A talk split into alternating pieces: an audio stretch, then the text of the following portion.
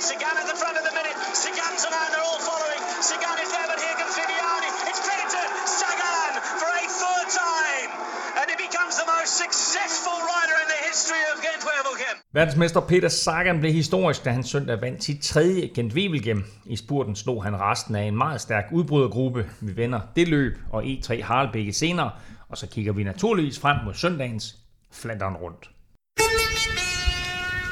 Rodalia. Rodalia.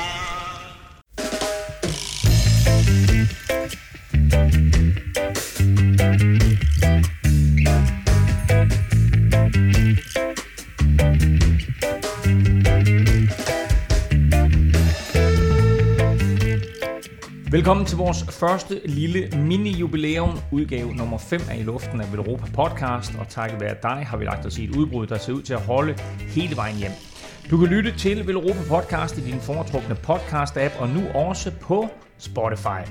Husk at du følger os på Snablag Velropa på Twitter og på facebook.com Velropa. I dag har vi fint besøg, nemlig af Rasmus Kvade, der i weekenden vandt endagsløbet Classic Loire Atlantique, Velkommen Rasmus, og tillykke med sejren. Mange tak. Ja, føles det godt? Ja, det, det er en stor, skøn følelse. Meget skøn følelse. Vi vender tilbage til dig lige om lidt, og øh, naturligvis øh, ingen vil Europa. Uden forfatteren til bogen, derfor bliver jeg sat. Kim Plesner. Velkommen til. Tak. Jeg har en, øh, jeg har en lille quiz til dig. Nå, hold da op. Nå, Jeg synes, vi skal kalde den Fuck dig-quizzen. Det var voldsomt. Det er en voldsom start Ej, på den her podcast, Kim, Det er en meget, meget hård start. Ja. Hvad hedder det? øh, Sagan, han vandt jo Gent Wevelgem for Korrekt. tredje gang. Ja, Det er der også nogle andre, der har gjort. ja, Blandt andet Tom Bonen, ja, Mario Cipollini, ja, Eddie Max, ja, Rick van Looy ja. og... Må være Robert van Enema. Hvordan fanden vidste du det? Fordi jeg havde planlagt præcis den samme quiz til dig.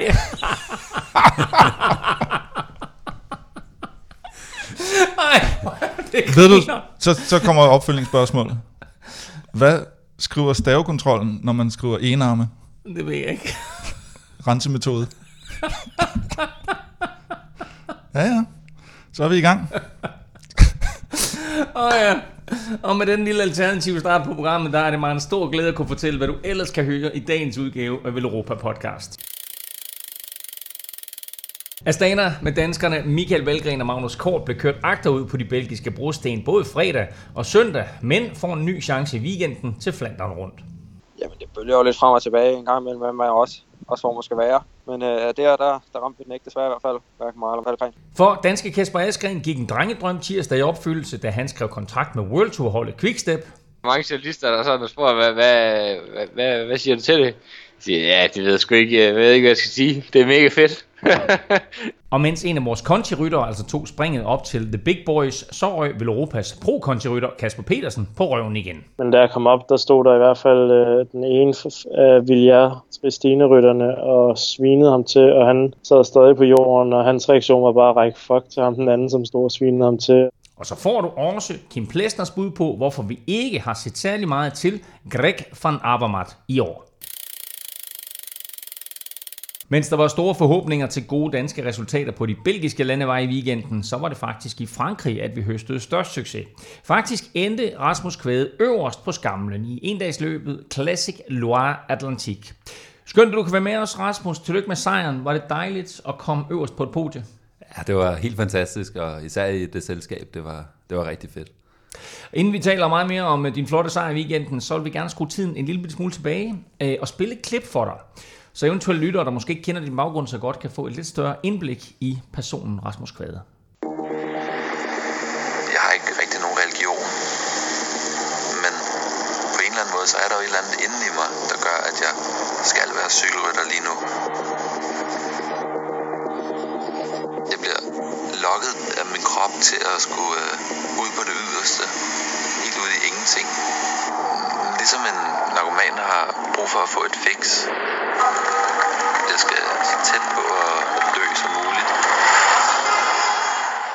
En øh, lille, men øh, jeg synes dog sådan ret øh, voldsom soundbite fra Daniel Dansiks øh, film øh, fra 2012, der hedder Moonrider. Rasmus, hvad er det for en ung mand, vi, vi hører her for snart 10 år siden?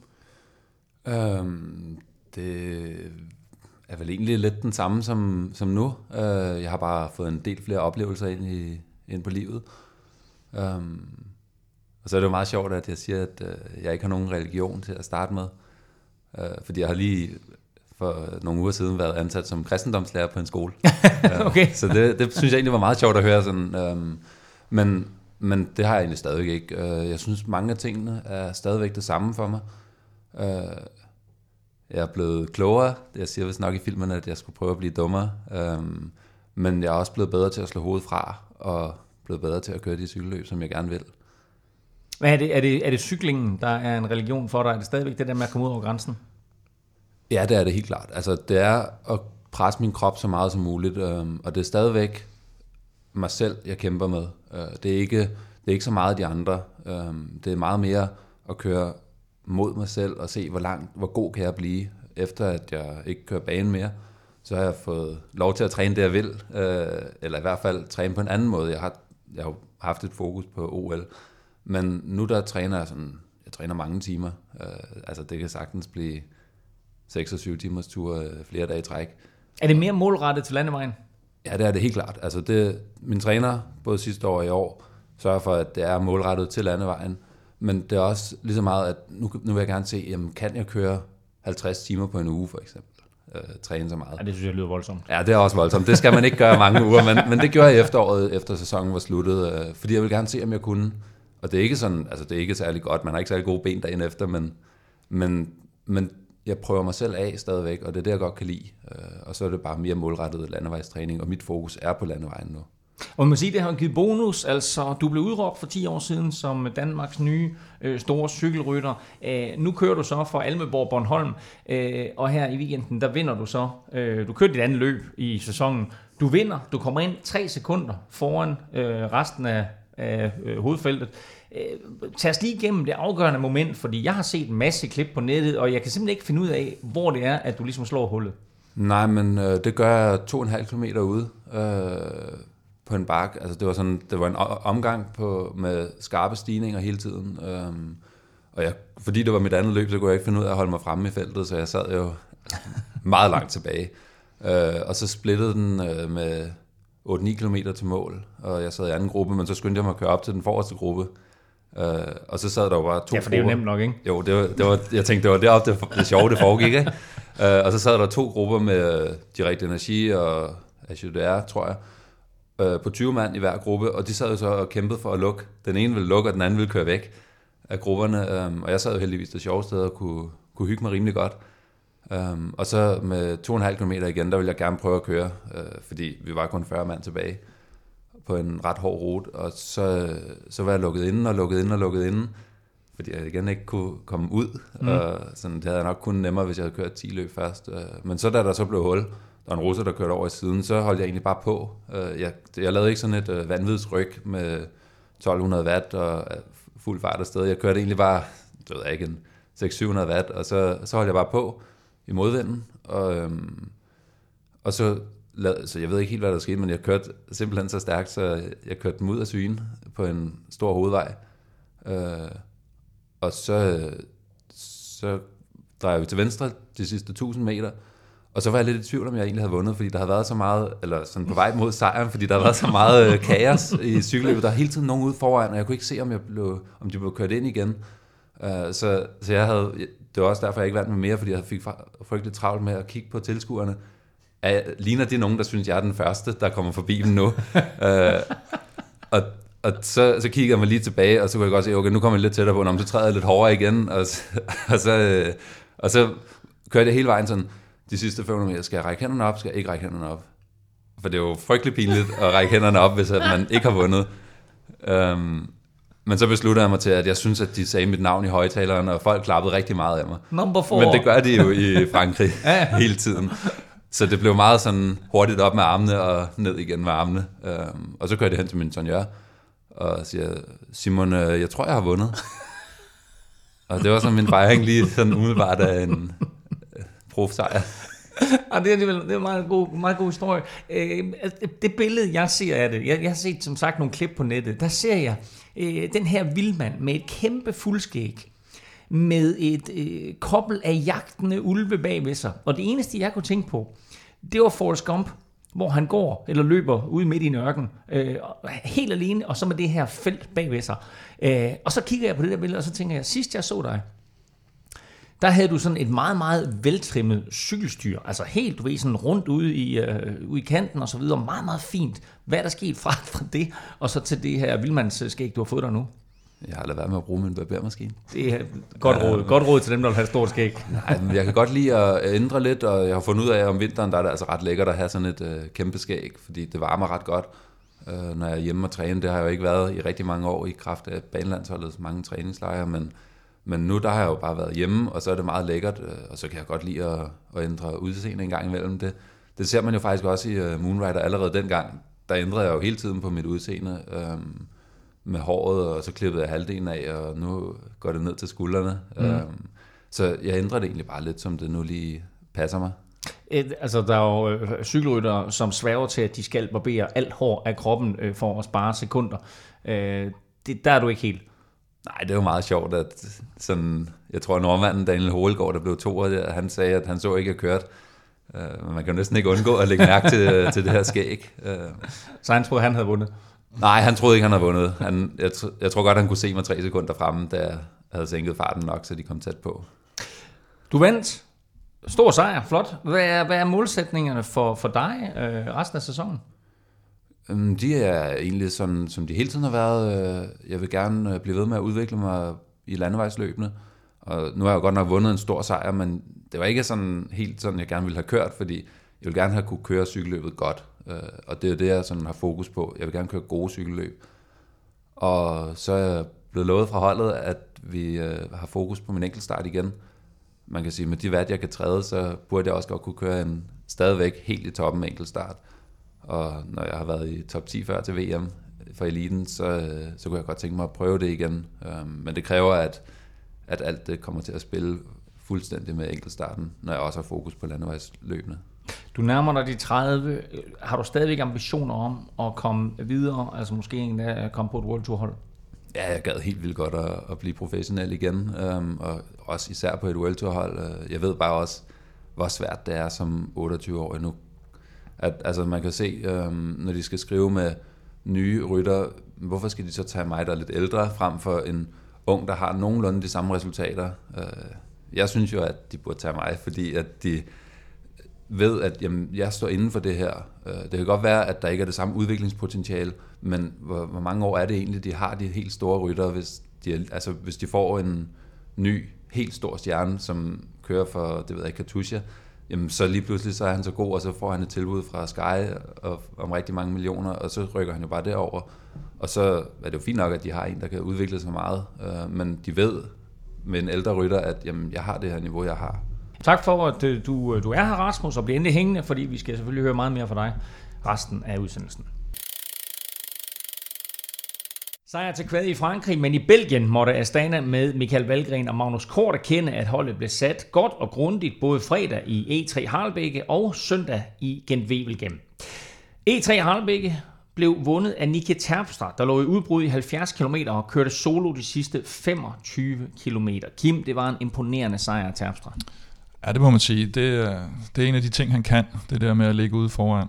Og man så det i Paris-Roubaix, da han vandt den. Og, og, og det var, ja, det var sindssygt at, at køre så langt udefra. Havde en god øh, hjælper i Lampard selvfølgelig også, og et virkelig godt hold til at bakke af, men der skal stadigvæk noget til at træde den hjem selv. Flot, flot sejr. Øh, både ham, men jo også af Quickstep, som du siger, der, der, der som hold igen øh, vinder et stort løb. Er det bare det bedste hold på World Tour lige nu? Det er i hvert fald det mest vindende hold. De har jo den der ret ensidige satsning på, øh, på endagsløbene frem for etabeløbene.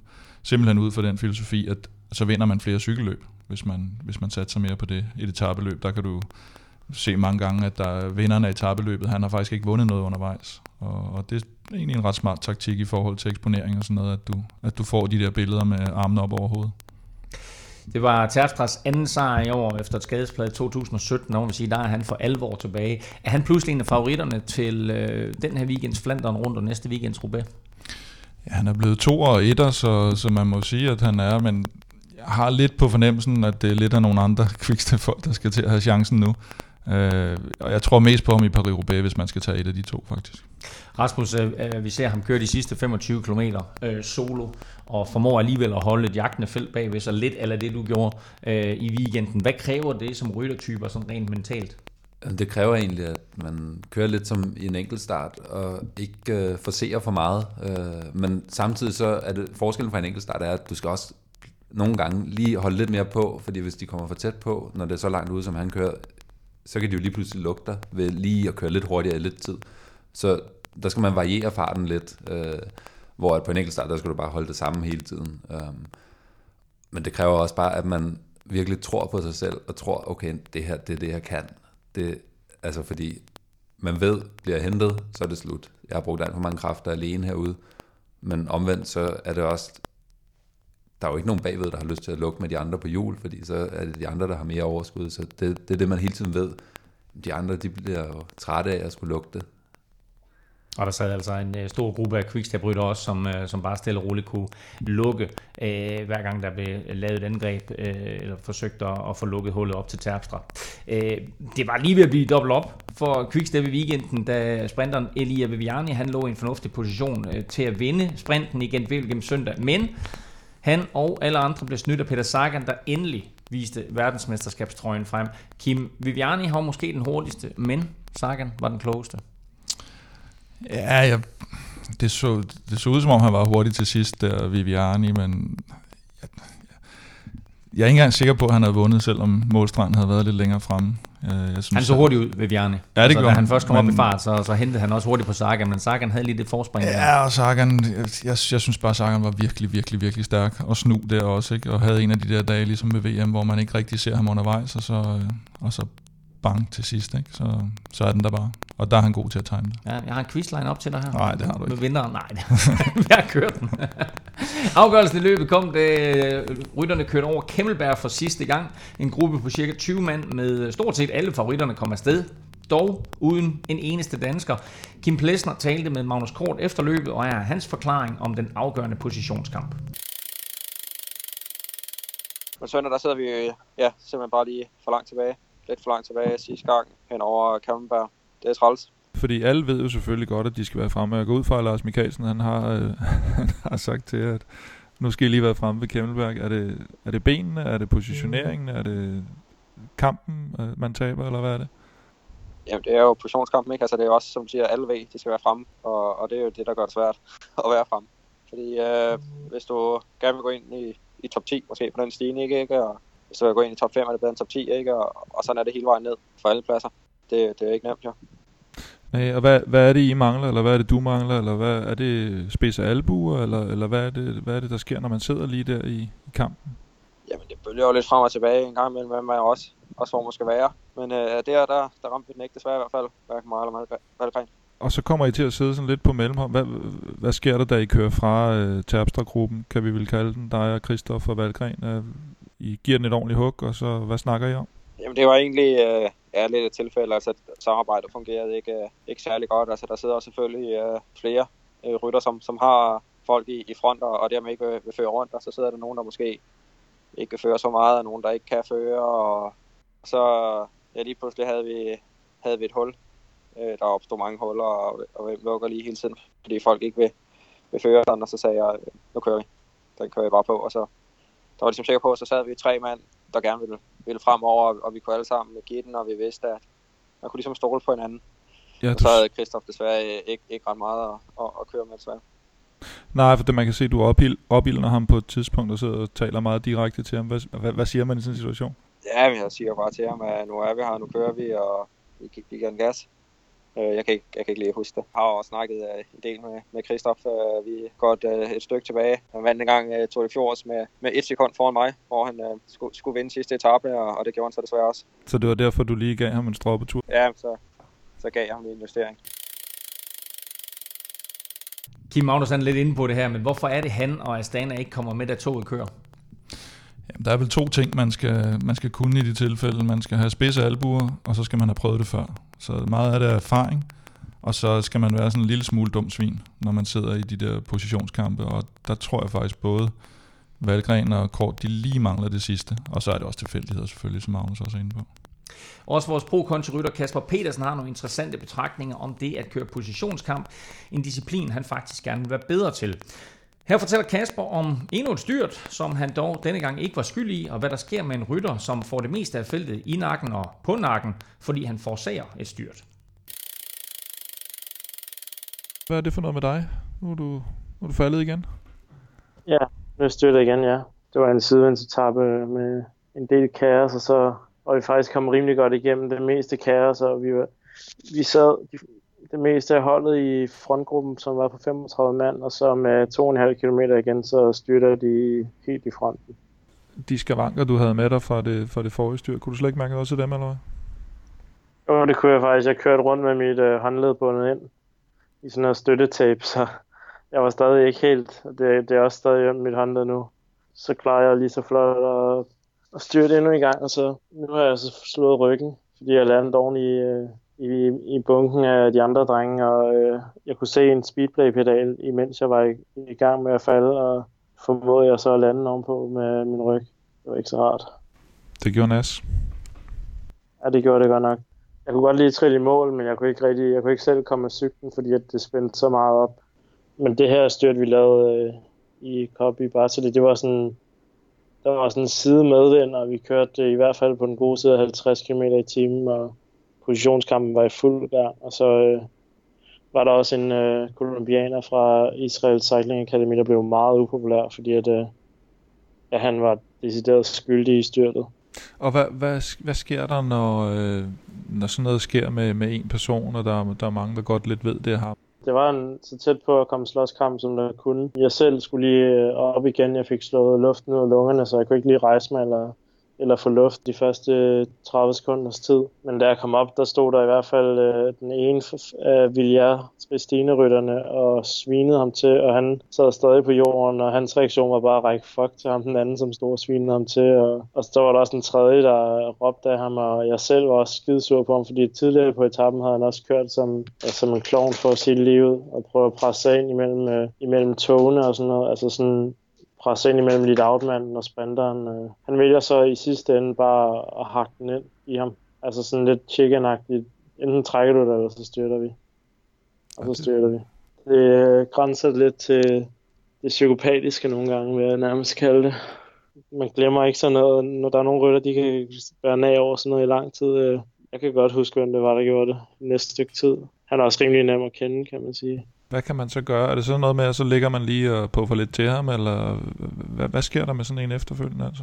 Ja, man skal passe meget på, hvad man gør, fordi at øh, hvis man øh, ligger og tager kampen på cyklen, så kan man hurtigt øh, komme ud i, at man lige pludselig får reddet en på røven over, man sidder og skændes. Eller... Men det er i hvert fald ikke sådan en, man lukker ind i sidevinden og sådan noget. Det er da helt sikkert. Og det var, det var sådan en, hvor man sådan, hvis man lige kan korte ham af i et sving, i stedet for at han kommer ind, så er det, er det i hvert fald også sådan en, man gerne vil gøre det med, og ikke en anden.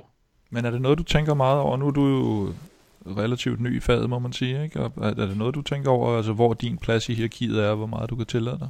Ja, jeg tænker ret meget over, sådan, hvordan jeg opfører mig i feltet. Øhm, der er tit, hvor man kommer til at støde skuldrene sammen, hvor der ikke er plads begge to, men øh, og så er der nogen, der kan hisse, hisse op over det, og og jeg prøver, prøver altid bare at køre den safe, og så bare sådan prøve at virke høflig og undskyld, selvom jeg gjorde det med vilje. Eller hvis nogle gange, så skal man, så skal man have albuerne ude og, og køre op i et hul, hvor men der ikke er plads til begge to. Så det er den smarte måde at køre svinsk på?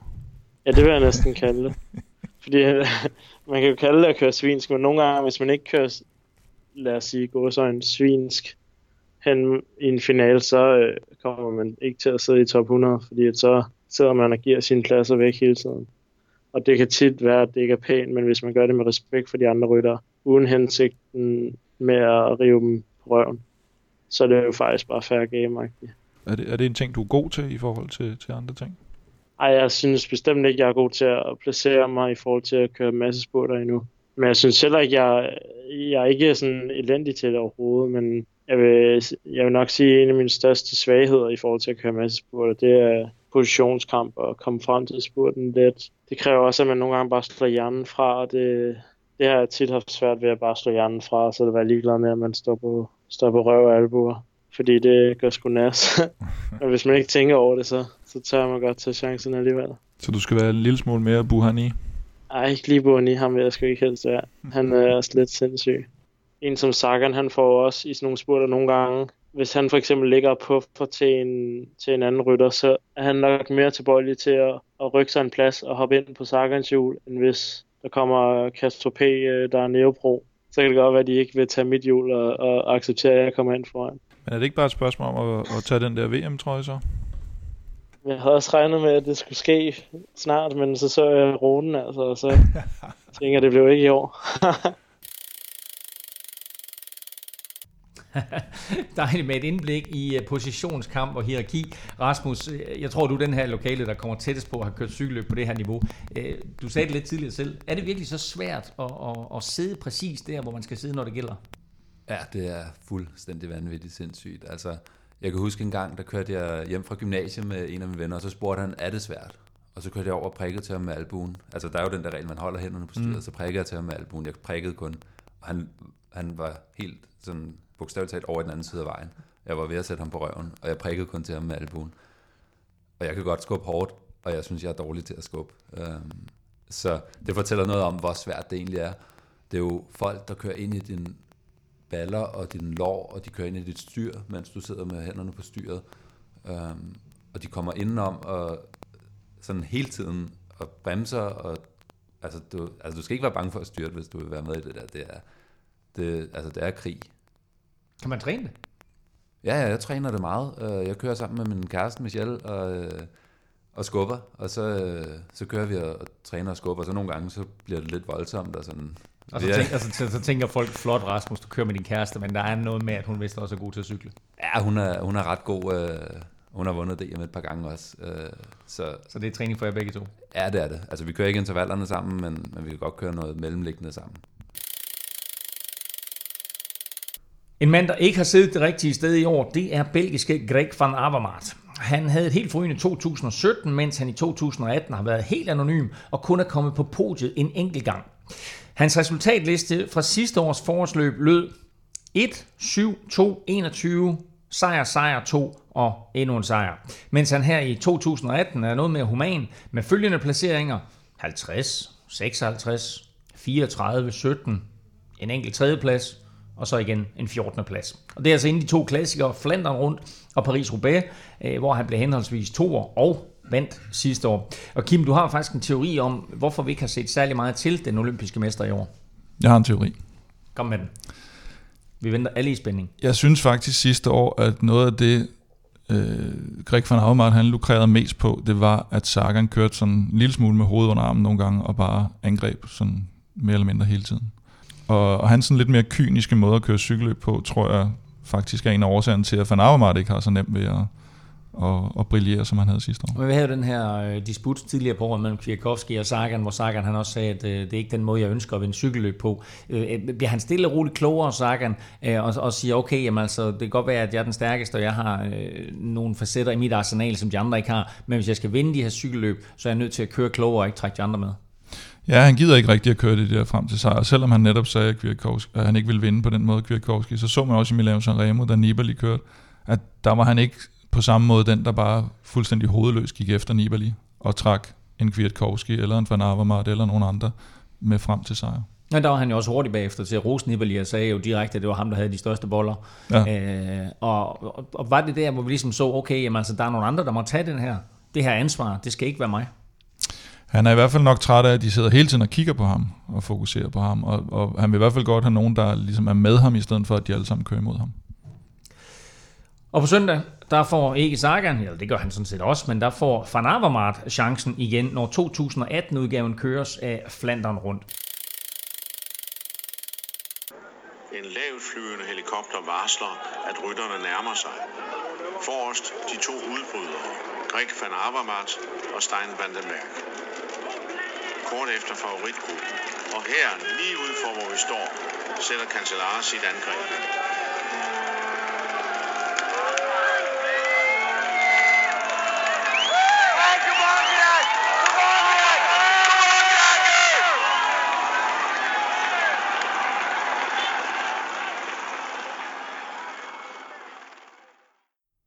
Så stemningen øh, ligesom sat. Det vi lyttede til her, det var en Velropa podcast special med naturligvis Jørgen Let fra 2014, som du også kan høre på SoundCloud, iTunes og vores andre platforme. Øh, Kim, du har været nede og se Flandern rundt de seneste seks år. Det er jo ikke kun et løb, det er en kæmpe begivenhed. Ja, jeg tror, hvis ikke man har været nede og se det, så, så forstår man ikke, hvor, hvor sindssyg en begivenhed det er for, for Belgier, og specielt folk i Flandern selvfølgelig. Det er sådan, hele, hele landet, eller hele den region står på, på den anden ende, og, og alle er bare ude og, og se det, eller se det på tv, eller, eller følge det på anden vis. Hvis man har set de her, øh, lad os kalde det små klassikere, som er kørt i Flandern, øh, og også kører senere i dag, når, øh, når, når The Varsful Flandern køres, så kan man se, at der er masser af tilskuere, masser af mennesker, der går op i det her. Det er endnu vildere til Flandern rundt. Ja, det er der, det piker, kan man sige. Det er det, og det er... Jamen det er fra morgenstunden inde på torvet, hvor de bliver sendt afsted til indskrivningen, er der simpelthen stoppet med mennesker, og så kører de ud og, og stiller sig. nogen stiller sig flere steder, eller kører mellem steder, og, og mange står selvfølgelig ved Kvartemont, hvor de kommer forbi tre gange. Og, og der er VIP-telte og alt muligt halløj, øh, hvor man, hvis man er blandt de heldige og har penge nok, kan, kan betale sig fra det. Ikke? Flandern rundt er årets andet monument, og for mange det største løb i kalenderen. Kim Plesner har talt med Magnus Kort om Astanas taktik til løbet. Vi, vi håber bestemt på, at der kommer noget, noget godt ud af det. Øh, vi er i god form, øh, både mig og Valgren, men også Ustenko øh, er også rigtig godt kørende, og, og, og det er, er de andre drenge sådan set også. Og så er der jo Flandern rundt på, på søndag. Det er jo, hvordan ser du på mulighederne? Tror du, du får lov at køre din egen chance, eller bliver det Valgren, fordi han nu vandt omløb, eller hvordan? Jeg tror, det bliver øh, lidt valgren. Men når vi ser, hvordan det lige spiller sig ud, øh, jeg kunne måske være heldig at, at køre ind med nogen, eller øh, det må vi se, hvad, hvad der sker på dagen. Men altså, hvis det går rigtig godt, så, altså, de gode hold har jo også flere rytter med langt, langt hen i, i løbet. Øhm, så, så det ene udelukker ikke, ikke det andet. Men det er ham, der ligesom bliver, bliver ham, man skal køre, også på grund af hans præstation sidste år går ud fra, eller? Ja, det tror jeg. Han springer øh, øh, løbet over her på onsdag og, og gør sig helt klar og, og bliver frisk og, og sådan noget. Og det løb, som Kort her omtaler, det er netop Dvarstor Flandern, eller på dansk tværs gennem Flandern, der altså køres her onsdag eftermiddag, som du kan se på Velropa Café, hvis du når at høre denne podcast inden, eller du kan også bare nå at se den. Øh, men Kim, øh, kan Valgren virkelig vinde så stort et løb som Flandern rundt? Ja, det tror jeg faktisk godt, han kan. Hvad skal der til? Ja, men han skal til, til at han kører først over stregen, når de kommer ind til Odinarte, vil jeg sige. Så skal han bare ringe til Rasmus. Ja. Øh, nej, men der, han blev nummer 11 sidste år, og han har vundet omløb, og det vil sige, så er han deroppe, hvor, hvor det faktisk godt kan lade sig gøre. Han, øh, han er så stærk, så han kan sidde med i en finale, og, og, men der skal, der skal rigtig meget til, før man så lige rammer den, ikke? Og, og og det er alle de store, der er med, og, og alle vil selvfølgelig vinde den, og det er sindssygt hårdt med den finale, de kører. Og han skal vel lidt sidde og håbe på, at de andre lurer passer eller angriber, og han så kan slå kontra lidt, ligesom der skete i omløb. Det er klart, det er, det er stadigvæk de, de helt store kanoner, der, der vil sidde og lure på hinanden, og, og der skal han, måske kan han også komme afsted sådan i, lige inden fuld finale, og komme med i en rigtig fornuftig gruppe, som, som de så undervurderer, eller sidder og kigger på hinanden bagved, som man faktisk har set nogle, nogle gange i år. Hvem er dine favoritter i år? Jamen, det er Sagan van Avermaet og Gilbert. Det er sådan de tre kløver der, det, det er mine favoritter. Van Marke, Terpstra, nej? Jo, jo, de er også med, men jeg, jeg synes, de tre, det, med mindre der sker sådan noget grimt som sidste år, hvor Sagan og, og Van Avermaet kører ind i hinanden, så, så tror jeg, det er de tre der. Jeg synes, Gilbert har set virkelig stærk ud, og har måttet øh, overlade sejren lidt til Terpstra i et par løb i Samin og Gent Wevelgem, selvom han egentlig selv var, var brølstærk, så så ham glæder mig faktisk lidt til Godt, at se. Så Gilbert, Van Avermaet og Sagan, de får dine berømte fem stjerner. Øh, hvornår kommer de her stjerner? Hvornår kan vi se, hvem der får 4, 3, 2 og 1 stjerne til at vinde løbet? Hvad, hvad, hvad får Valgren for en 4? 3? Åh, oh, det, er meget, det er meget tidligt jo, ikke? Nej, øh, de kommer vel en 17.30 søndag eftermiddag, vil jeg tro. Nej, det håber jeg ikke. så, er der, Ej, så er der stor chance for, at I løbet, i, løbet I løbet af lørdagen kommer de. Og der kan man se det inde på øh, facebook.com-velropa. Øh, Rasmus, har du nogensinde kørt noget, der minder om Flandern rundt? Jeg har kørt liège bastogne liège uh, i størrelsesmæssighed, ja. forstået på den måde. Uh, som Kim snakker om før, det, altså, det, man skal have været der for at opleve, hvor stort sådan noget er. Og er, og er det anderledes som, som rytter at sidde der? Bliver man båret frem, eller hvad sker der? Ja, det gør man. Altså, det starter jo allerede med en præsentation dagen før, i hvert fald Læs Bastogne Liège, som er noget større end noget, jeg har oplevet før. Hvordan siger de Rasmus Kvade på flamsk? Øh, på fransk, der siger, sagde de i starten, inden de kendte mig rigtigt, Amygua. Amygua. Ja, nu kan de godt sige sådan Quarte eller Quaid. Rasmus. Øh. Ja, noget i den retning. Øhm, ja, brostenene, det er jo igen positionskampen, plus at man ikke kan styre cyklen. Øh, så man sidder og skubber uden at kunne styre cyklen. Det, det bliver lige en tand mere spændende. Øh, og man har kun cirka 3 cm at køre på, hvis man kører ud i siden, for at prøve at undgå brostenene. Så de andre skubber, og brostenene skubber. Hvad er det, der er så specielt ved at køre på brosten? Det viser jo sådan, det er lidt mere sådan råt. Altså man, man skal være hård, fordi man, man kan lige pludselig blive kastet ud af kurs, hvis man er sådan en lille spinkel type, der ikke kan holde cyklen lige og træde nok vat til at køre fremad, og så bliver man bare kastet rundt på brostenene. Så altså det skaber nogle billeder, hvor at man ser, åh, det, altså det er dem her, der ser rigtig seje ud, og som regel er der også mere støvet, og måske noget mudder på dem. Og, der er jo legendariske billeder af folk, der er kommet ind efter en sejr, eller for en sags skyld ikke har vundet, men bare er fuldstændig smadret og smadret til mudder. Har du en favorit til øh, søndagens Flandern rundt? Nej, altså jeg håber lidt, at øh, Valgren han kan gøre det samme, som han gjorde i omløb. Øh, ellers så har jeg, jeg, altså jeg ved ikke, øh, hvem jeg skal sige er favoritter. Jeg plejer bare at se cykelløbene, og så nyde at se nogle gode cykelløb nogle gange. Jamen så altså, synes jeg, at du skal komme ned på Velropa Café, fordi du og alle andre kan naturligvis se Flandern rundt sammen med masser af andre cykelfans på Frederiksberg på søndag. Det er altså på Velropa Café, og husk at komme i god tid, for vi begynder allerede 10.30. Kim, serverer du en nummer 27? Vi har haft lidt leveringsproblemer, vil jeg sige, men ellers så er der en 27A. Hvad er en 27A? Det er kartoffelkage. jeg ved ikke, hvor det kom fra, det der. Det er Kim Andersens foretrukne. Stærkt, så har vi styr på det. I forrige uge vandt kontinentalrytteren Kasper Askren en etape i det kroatiske løb Istrian Spring Trophy, og det var måske lige det sidste, der skulle til for det danske stortalent. Mandag mødtes han med Quicksteps direktør Patrick Lefebvre og skrev under på en toårig kontrakt med det belgiske storhold, der har Brian Holm som sportsdirektør og hentede Michael Mørkøv inden sæsonen. Det var en glad Kasper Askren, som Kim Plesner talte med umiddelbart efter nyheden ramte de danske bladkiosker. Hvordan opstod det helt fra starten? Jamen, altså det opstod jo helt fra starten, øh, fordi at jeg var på træningslejr med dem, ikke? Så det startede jo allerede sidste år med at snakke med dem, ikke? Og så, øh, så er de blevet, har de været lidt presset, fordi de har haft en del skader, og så har svært ved at fylde, øh, fylde løbende ud, og så øh, var de blevet enige om, at de manglede en. Og så har de snakket med min agent, og i og med, at jeg var med på træningslejr, så de kendte mig allerede. Og så blev der taget en beslutning der under nummeret om, at det, det skulle være mig. Så det var, det var jeg naturligvis rigtig glad for. Ej, jeg har skrevet under på kontrakten herover i, i Belgien. Øh, jeg fik bare, jeg bare har snakket med Patrick, mens jeg var i Normandiet og fået det aftalt derover. Okay, simpelthen uh, Lefebvre himself. Præcis. Hvis det er de helt store kanoner, der bliver hentet til holdet, så har jeg hørt, så er det nemlig ham, ikke? Jo, lige præcis.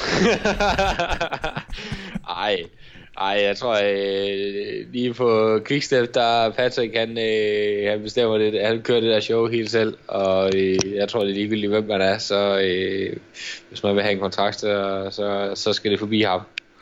Og føler der noget med om, at du skal åbne en brugvognsforhandler i Roselarte bagefter, eller hvordan? Det, jeg skal lige have læst det, der står med sport, men øh, jeg synes godt, jeg så et eller andet om det. Hvad med Brian Holm? Har han noget ind over det, eller har det, har det egentlig bare været, fordi du har været nede på træningslejren? Nej, Brian har også været med ind over det og, og presset på. Øh, han, han har været en kæmpe hjælp her, og det har, det har min agent også. Han gjort et kæmpe stykke arbejde. Så øh, debut i uh, Skelteplejs, som det ser ud lige nu? Ja, det er jo, lige præcis. Det er jo lidt af et hold at komme ind på. De har jo nærmest vundet det hele her. Ja, det har de, det har de nærmest. Nu fik, øh, nu fik Takkeren lige nappet dem der i, øh, i søndags, men øh, ellers så, så har de nappet det hele. Det er jo et vildt nok hold at komme ind på, og hvad, hvor, altså, hvad, hvad ser du sådan det første år her? Hvad, hvordan ser du din rolle der? Personligt håber jeg på at kunne lære en masse af de, øh, de rigtig dygtige cykelryttere, de har på holdet, og så blive en, øh, blive en god professionel. Det, øh, det er sådan min egen øh, agenda her den første, det første års tid, og så forhåbentlig øh, hjælpe, hjælpe til dem med hjælpe de etablerede rytter til at tage, tage endnu, flere, endnu flere sejre. Og hvad med, skal du flytte øh, sydpå, eller vil du fortsætte have base i Danmark, eller hvordan? Nej, jeg fortsætter med at have base i Danmark. hvor er du hen i Belgien nu? Jeg er i, i Tilt, hvor de er øh, sammen med de rytter, der skal køre Dvarstorf Flandern i morgen.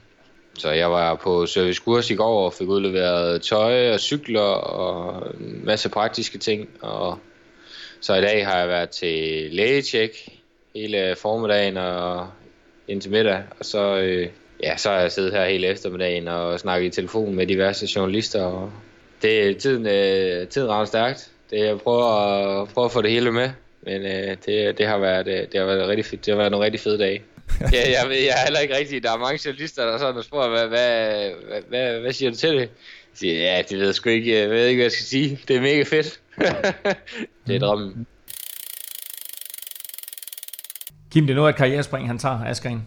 Ja, det er en kæmpe chance for ham, og han var jo selvfølgelig på træningslejr med dem, men det er ikke, der bliver ikke givet badebilletter, fordi Brian Holm har været inde over, og det, det, han, han tager ikke bare nogle rytter ind, han, han ikke tror på, eller, eller bare fordi de er danskere. Det, det, det, det har han fortjent.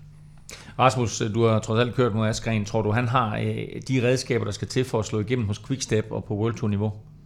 Ja, det tror jeg altså. Han kører jo virkelig, virkelig stærkt, og nogle gange synes jeg, det lignede, at han måske skulle udvikle sig mere sådan øh, teknisk, øh, men det er jo heldigvis noget, der er nemt, når man er ung. Øh, hvis han har været 35, så har det nok været svært at lære. Hvad er det, han mangler?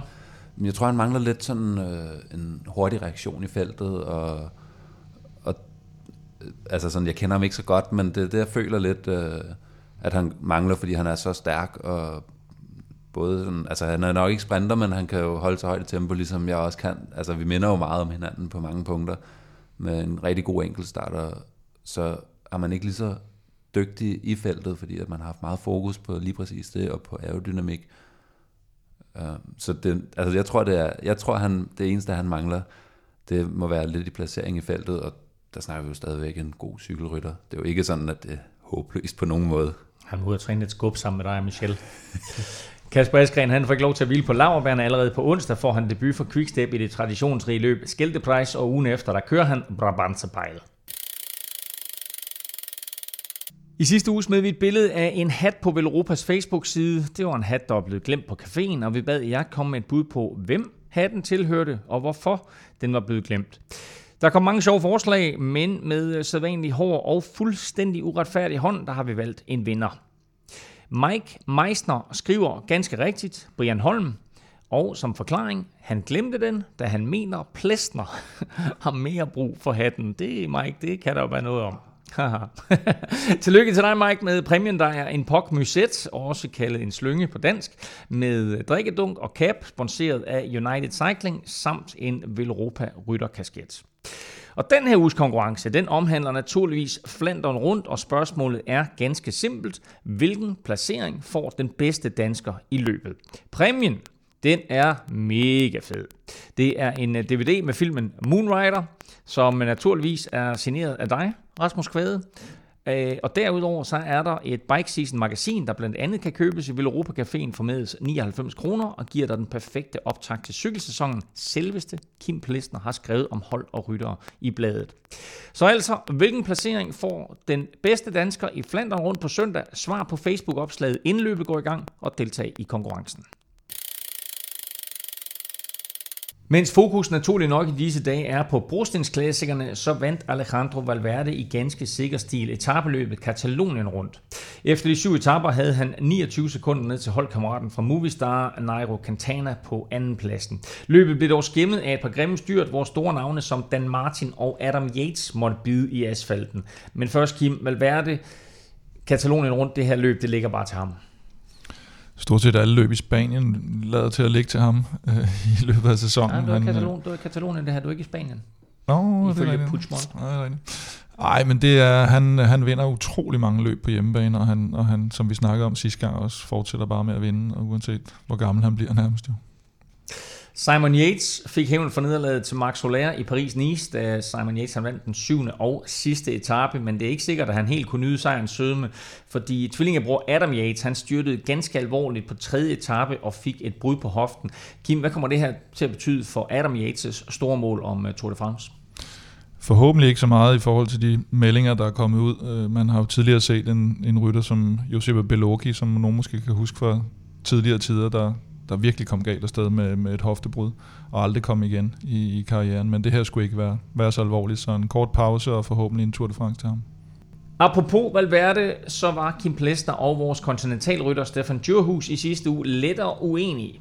Er Valverde større end Nibali? Eller omvendt? På Velropas Facebook-side, der har Daniel Søndergaard Romlund stillet dette spørgsmål.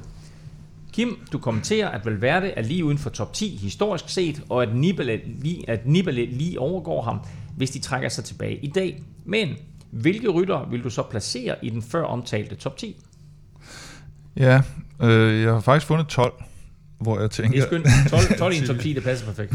en, en top 10-12. Og det er mere, at jeg har 12 rytter, hvor jeg tænker, at de får alligevel lidt svært ved at slå dem. Og der har vi rytter som Eddie Merckx, Bernard Hinault, Jacques Anquetil, De Flaming, Rick van Looy, Sean Kelly, Indurain, Fausto Coppi, Lance Armstrong, Binda, Gino Bartoli, Felice Girimondi.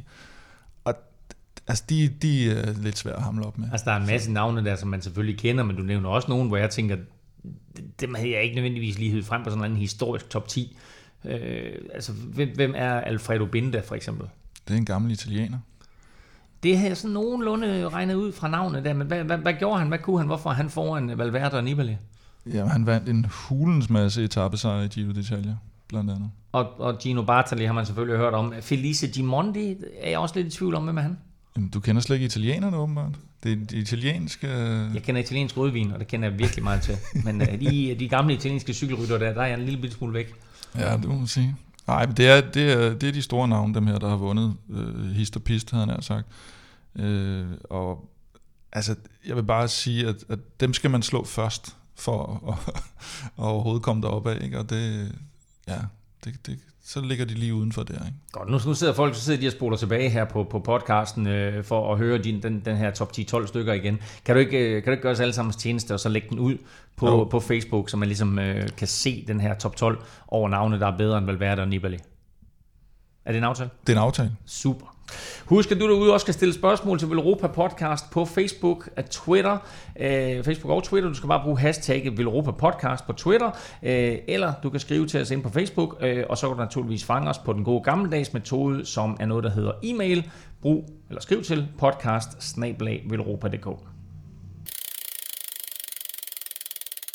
Tak for besøget, Rasmus. Hvad er næste store opgave for dig?